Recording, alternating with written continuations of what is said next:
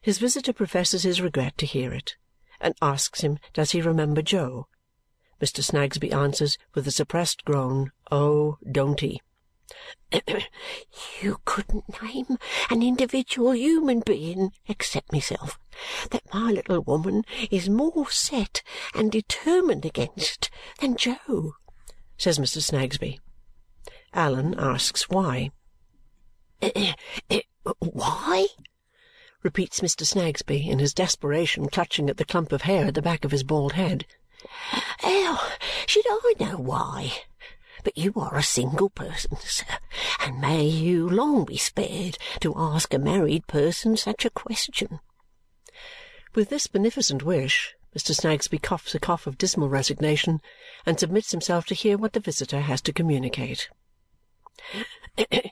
"There again," says Mr. Snagsby, who, between the earnestness of his feelings and the suppressed tones of his voice, is discoloured in the face. "At it again! in a new direction. A certain person charges me in the solemnest way not to talk of Jo to any one, even my little woman. Then comes another certain person, in the person of yourself, and charges me in an equally solemn way not to mention Jo to that other certain person above all other persons. Oh, why, this is a private asylum. Why, not to put too fine a point upon it, this is Bedlam, sir," says Mr. Snagsby. But it is better than he expected after all, being no explosion of the mine below him or deepening of the pit into which he has fallen. And being tender-hearted and affected by the account he hears of Jo's condition, he readily engages to look around as early in the evening as he can manage it quietly. He looks round very quietly when the evening comes but it may turn out that Mrs. Snagsby is as quiet a manager as he is. Jo is very glad to see his old friend and says, when they are left alone, that he takes it uncommon kind as Mr. Sangsby should come so far out of his way on accounts of sich as him. Mr. Snagsby, touched by the spectacle before him, immediately lays upon the table half a crown, that magic balsam of his for all kinds of wounds. "And how do you find yourself, my poor lad?" inquires the stationer with his cough of sympathy. "I'm in luck, Mr. Sangsby, I am," returns Jo, "and don't want for nothink. I'm more comfortabler nor you can't think, Mr. Sangsby. I'm wery sorry that I done it but I didn't go fur to do it, sir." The stationer softly lays down another half crown and asks him what it is that he is sorry for having done. "Mr. Sangsby," says Jo, "I went and give a illness to the lady as was, and yet as warn't, the t'other lady, and none of 'em eh, eh, never says nothing to me for having done it on accounts of their being so good and my having been so unfort'nate. The lady come herself and see me yesterday, and she says, 'Oh, Jo,' she says, 'we thought we'd lost you, Jo,' she says, as she sits down a smiling so quiet and don't pass a word nor yet a look upon me for having done it, she don't, and I turns agin the wall, I doos, Mr. Sangsby. And Mr. Jarndyce, I see him a forced to turn away his own self, and Mr. Woodcot he come fur to give me somethink fur to ease me what he's allus a doing on, and day and night, and when he comes a bending over me and a speaking up so bold, I see his tears a falling, Mr. Sangsby." The softened stationer deposits another half crown on the table. Nothing less than a repetition of that infallible remedy will relieve his feelings. "What I was a thinking on, Mr. Sangsby," proceeds Jo, "was as you was able to write wery large, perhaps?" "Yes, Jo, please God," returns the stationer. "Uncommon precious large, perhaps?" says Jo with eagerness. "Yes, my poor boy." Jo laughs with pleasure. "What I was a thinking on then, Mr. Sangsby, was, that when I was moved on as fur as ever I could go and couldn't be moved no furder, whether you might be so good p'raps as to write out wery large so that any one could see it anywheres. As that I was wery truly hearty sorry that I done it, and that I never went fur to do it, and that though I didn't know nothink at all, I knowed as Mr. Woodcot once cried over it and was allus grieved over it, and that I hoped as he'd be able to forgive me in his mind if the writing could be made to say it wery large, he might." "It shall say it, Jo, very large." Jo laughs again. "Oh, thank ye, Mr. Sangsby. It's wery kind of you, sir, and it makes me more comfortabler nor I was afore." The meek little stationer, with a broken and unfinished cough, slips down his fourth half-crown. He has never been so close to a case requiring so many and is fain to depart. And Jo and he, upon this little earth, shall meet no more. No more. For the cart, so hard to draw, is near its journey's end and drags over stony ground.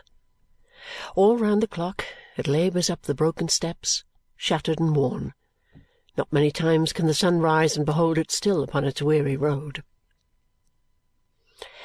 Phil Squod, with his smoky gunpowder visage, at once acts as nurse and works as armourer at his little table in a corner, often looking round and saying with a nod of his green baize cap and an encouraging elevation of his one eyebrow, "Hold up, my boy, hold up!" There too is Mr. Jarndyce many a time, and Allan Woodcourt almost always, both thinking much how strangely fate has entangled this rough outcast in the web of very different lives. There, too, the trooper is a frequent visitor, filling the doorway with his athletic figure and, from his superfluity of life and strength, seeming to shed down temporary vigour upon Jo, who never fails to speak more robustly in answer to his cheerful words. Jo is in a sleep or in a stupor to-day, and Allan Woodcourt, newly arrived, stands by him looking down upon his wasted form. After a while he softly seats himself upon the bedside with his face towards him, just as he sat in the law writer's room, and touches his chest and heart. The cart had very nearly given up, but labours on a little more. The trooper stands in the doorway, still and silent. Phil has stopped in a low clinking noise with his little hammer in his hand. Mr. Woodcourt looks round with that grave professional interest and attention on his face and glancing significantly at the trooper, signs to Phil to carry his table out. When the little hammer is next used, there will be a speck of rust upon it. "Well, Jo, what is the matter? Don't be frightened." "I thought," says Jo, who has started and is looking round, "I thought I was in Tom all Alone's again. Ain't there Nobody here but you, Mr. Woodcot?" "Nobody." "And I ain't took back to Tom all Alone's, am I, sir?" "No." Jo closes his eyes, muttering, "I'm wery thankful." After watching him closely a little while, Allan puts his mouth very near his ear and says to him in a low distinct voice, "Jo, did you ever know a prayer?" never knowed nothink, sir. Not so much as one short prayer? No, sir. Nothink at all. Mr. Chadbands, he was a praying wunst at Mr. Sangsby's, and I heerd him, but he sounded as if he was a speaking to hisself and not to me. He prayed a lot, but I couldn't make out nothink on it. Different times there was another genelman come down Tom all Alone's a prayin', but they all mostly said as the t'other ones prayed wrong, and all mostly sounding to be a talking to theirselves or a passing blame on the t'others, and not a talking to us. We never knowed nothink. I never knowed what it was all about." It takes him a long time to say this, and few but an experienced and attentive listener could hear, or, hearing, understand him. After a short relapse into sleep or stupor, he makes, of a sudden, a strong effort to get out of bed. "Stay, Jo! What now?" "It's time for me to go to that there burying ground, sir," he returns with a wild look. "Lie down and tell me. What burying ground, Jo?" "Where they laid him as was wery good to me. Very good to me indeed he was. It's time for me to go down to that there burying ground, sir, and ask to be put along with him. I wants to go there and be buried. He used for to say to me, 'I am as poor as you to day, Jo,' he says. I wants to tell him that I am as poor as him now and have come there to be laid along with him." "By and by, Jo, by and by." "Ah!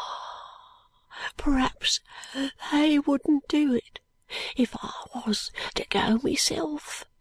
But will you promise to have me took there, sir, and laid along with him?" "I will indeed."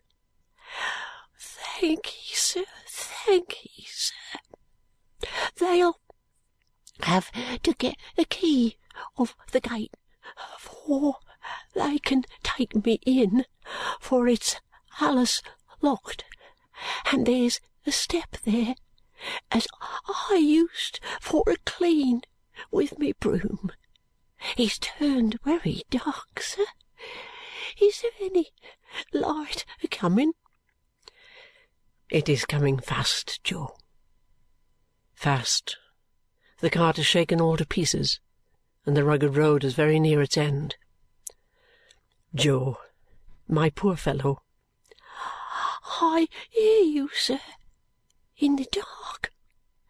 But I'm a groping, a groping. Let me catch hold of your hand." "Jo, can you say what I say?" "I'll say anythink as you say, sir, for I knows it's good." "Our Father "Our Father? Yes, that. Wery good, sir." "Which art in heaven." "Art in heaven. Is the light a coming, sir?" "It is close at hand. Hallowed be thy name." "Hallowed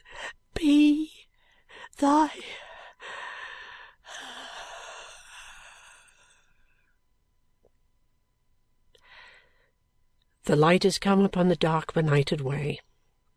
Dead. Dead, your Majesty. Dead, my lords and gentlemen. Dead, right reverends and wrong reverends of every order. Dead, men and women, born with heavenly compassion in your hearts, and dying thus around us every day.